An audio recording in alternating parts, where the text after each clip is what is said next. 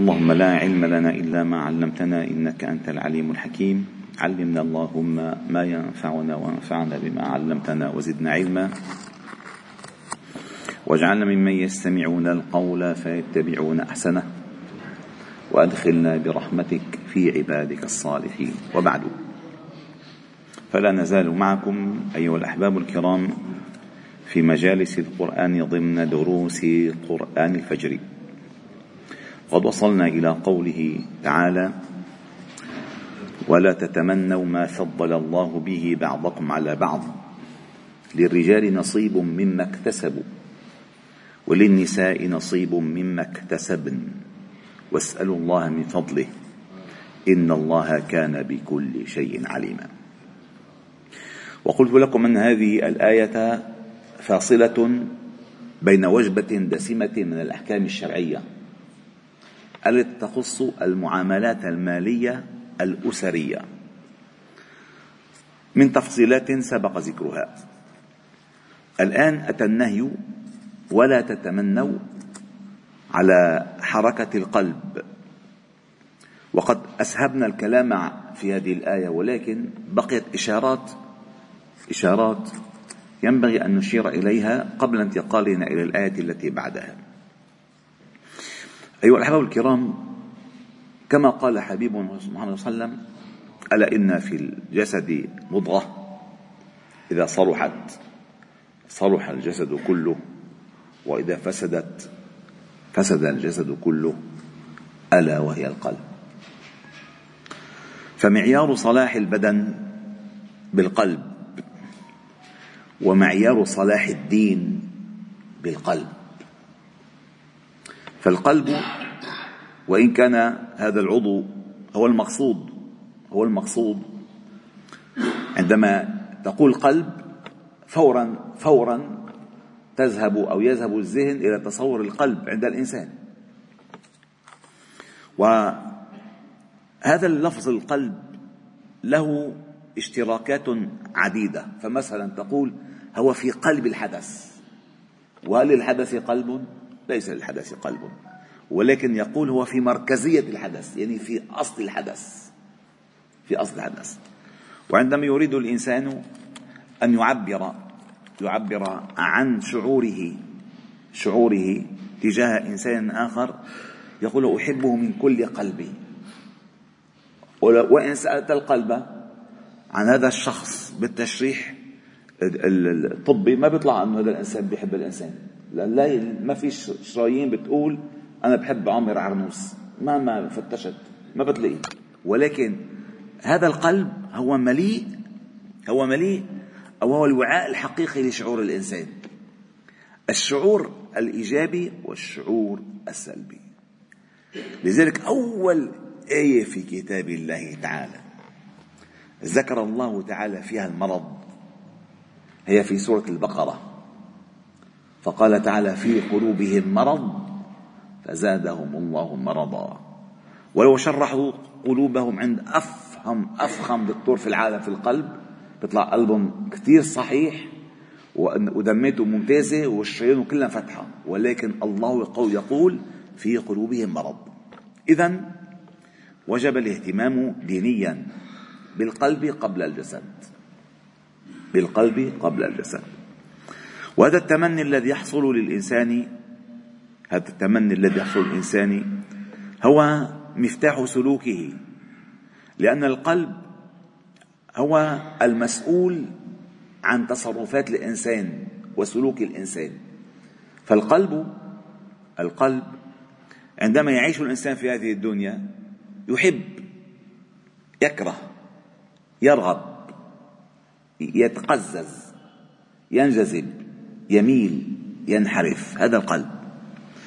الجسد يصدق ذلك كله. فإذا أحب القلب فلانا وجد هذا الإنسان نفسه يهديه شيئا أو يبتسم إليه أو يتقرب منه. فالجسد يصدق هذا القلب حبا وكرها منعا وعطاء ولاء وبراء هذا القلب. لذلك كان واجبا على المسلم دائما أن يراقب قلبه في كل شيء في كل شيء. إلى أين يميل ما الذي يحبه وما الذي يبغضه؟ ثم يقيس ذلك المحبوب وهذا المبغوض على ميزان الله تعالى. هل الذي يحب القلب هذا الإنسان أو هذا الشيء يرضي الله؟ إذا كان يرضي الله فقلبه سليم.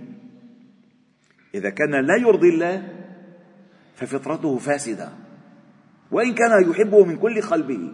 والله بيحب المعصية هذا قلبه فاسد. يحب الكذب هذا قلبه فاسد. وفطرته غير سليمة. لذلك الله تعالى قال بعد هذه الوجبة الدسمة من الآيات الأحكام في المعاملات الأسرية المالية ولا تتمنوا ما فضل الله به بعضكم على بعض. يعني قوة الإنسان أيها الأحباب الكرام بانطلاقه من رأس ماله الذي معه. ماذا الذي معك؟ فقير أنت الله أراد كذلك أنت غني الله أراد كذلك أنت قصير الله أراد كذلك أنت طويل الله أراد كذلك أنت آه، رئيس الله أرادك كذلك. أنت مرؤوس الله أرادك كذلك. انطلق مما أنت فيه. ثم بعد ذلك الله يفتح عليك. من كان يظن؟ من كان يظن؟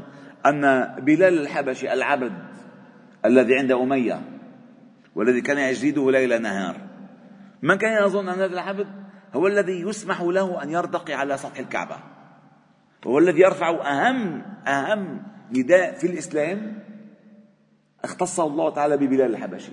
من كان يظن؟ الله تعالى. من كان يظن؟ لو لو ظن أمية بن خلف أن هذا البلال سيصبح سيدا من أسياد المسلمين. والله ما كان له قلب عبس بوجهه ولكن لا يعلم. فالإنسان بما هو فيه ينطلق ولا يمد عينه إلى أي أحد. أغلب أمراض الناس أيها الأحباب الكرام الاكتئاب الاكتئاب شو أغلب أسبابه؟ أسبابه النظر إلى غيره. ما الذي يفقد السعادة في حياة الإنسان؟ النظر إلى غيره. ما الذي يفسد الحياة الأسرية بالذات؟ عندما الرجل يريد أن يصبح كفلان والمرأة تريد أن تصبح كفلانة وليش ولادهم هيك ولادنا من هيك وليش أنت هيك تفسد الأسرة. تفسد الأسرة. أنت بما أنت فيه. أتظنون أيها الأحباب الكرام أن هذا الرجل الفقير المسكين الذي يعيش, مع زوجته الفقيرة المسكينة في كوخ يفطرون على كسرة خبز مع زيتونة. أتظنون أن ابتسامتهم ليست حقيقية؟ بل حقيقية. بل بل أظن أظن من خلال التجربة أن أكثر من يعيش في رفاهة ونعيم ابتسامتهم متصنعة وليست حقيقية. مشان الكومبلومنت قدام الناس. الابتسامة الحقيقية هي في الرضا. رضيان بتقول لك شو تروقت؟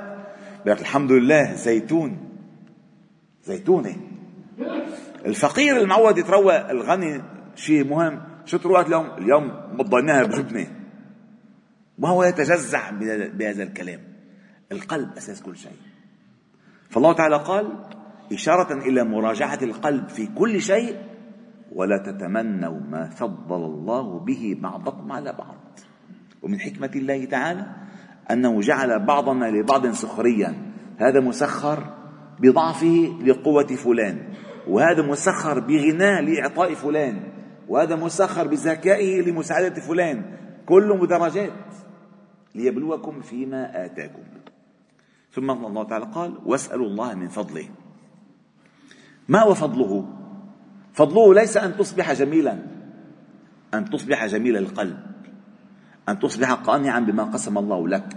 ارضى بما قسم الله لك تكن أغنى الناس. قد ما افترض الله تعالى عليك تكن أعبد الناس. الميزان عند الله تعالى ليس بالجمال ولا بالمال.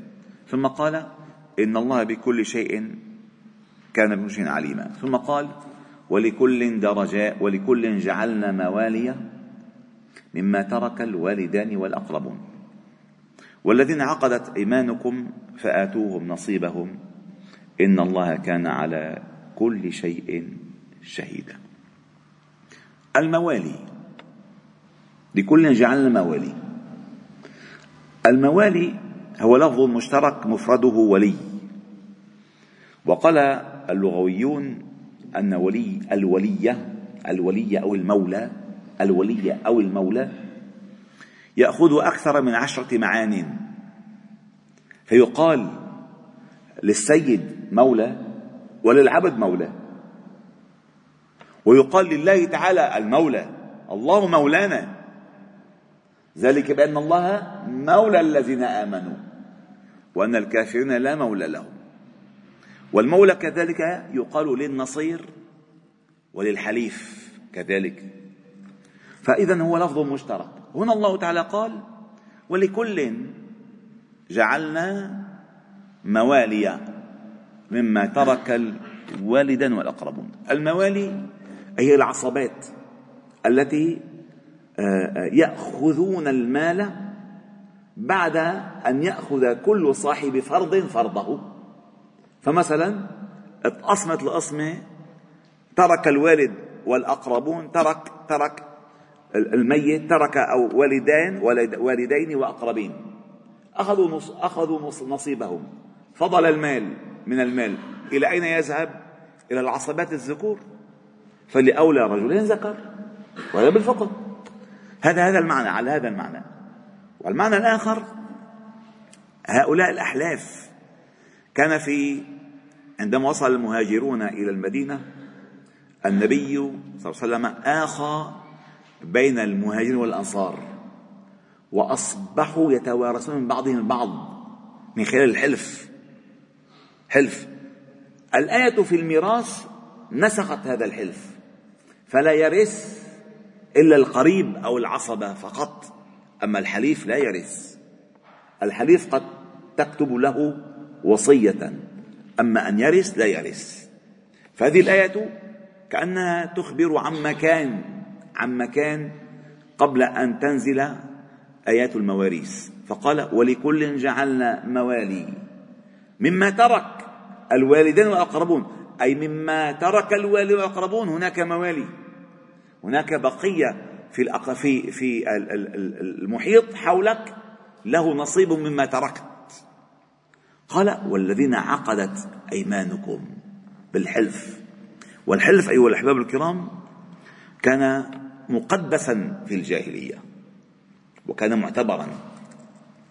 وسمي أيمانكم عقدت أيمانكم لأنهم كانوا عندما يعقدون حلفا يضعون أيمانهم بأيمان بعضهم البعض. مد إيدك اليمين لنسلم فحط إيده بإيده اليمين وكأنه عقد الحلف. فعقد الأيمان بوضع اليمين باليمين. فسمي سمي الحلف أيمانا وسمي الحلف أيمانا. لأن اليمين هي أهم عضو ينفذ. قال الله تعالى في قصة إبراهيم فراغ عليهم ضربا باليمين. ولو تقول علينا بعض الأقاويل لأخذنا منه باليمين. اليمين هو الأساس في الحركة. طيب إذا لما بدي أعمل حلف حط يميني أي قوتي. بقوة من أحالف. ولذلك سمي, سمي الأيمان أيمانا وكأنه أعطى عقد مع الله تعالى ألا يخرمه. يا أيها الذين آمنوا أوفوا بالعقود. قال فآتوهم نصيبهم مما اتفقتم عليه. فكانوا إذا مات الحليف يرث يرث منه حليفه وكأنه أخوه. وكأنه أخوه. إن الله كان على كل شيء شهيدا. هذه الآية تدل على أهمية الروابط الاجتماعية بين الناس وأن الذي يضبط إيقاع ذلك الدين وليس العادات. فأتى الدين فأبطل أبطل حق الحليف بماله حليفه ولكنه أبقى قوة الحلف أبقى قوة الحلف. والإنسان يقول في الحديث الصحيح لو دعيت إلى حلف الفضول وأنا نبي لأجبت. وحلف الفضول تعاقد عليه كفار مكة ولم يكونوا مسلمين من قبل. ونسلم حضر معهم. وكان مقصود هذا الحلف أن لا يسمحوا بأن يقع ظلم على من دخل مكة. فكان أهل مكة بعضهم إذا دخل غريب أو ضيف أو مرتحل إلى مكة واستدانه وأعطاه مالا ينكر المال. أنه مين بده يضوء معنا نحن أهل مكة. فكثر ذلك فتعاقد أهل مكة ألا يسيء ألا يسيء أحد إلى سمعتهم. فقالوا هذا حلف الفضول أن نمنع الظلم عن كل من دخل مكة بماله. فقال لو أجبت إليه في الإسلام أو لو دعيت إليه في الإسلام لأجبت. فالإسلام أبقى قوة الأحلاف ولكن أبطل ما الله تعالى سماه ميراثا بين الأقرباء. والله تعالى أعلم وأحكم. والحمد لله رب العالمين. سبحان الله وبحمدك نشهد أن لا إله إلا أنت. نستغفرك ونتوب إليك. صلي وسلم وبارك على محمد وعلى آله وأصحابه أجمعين. والحمد لله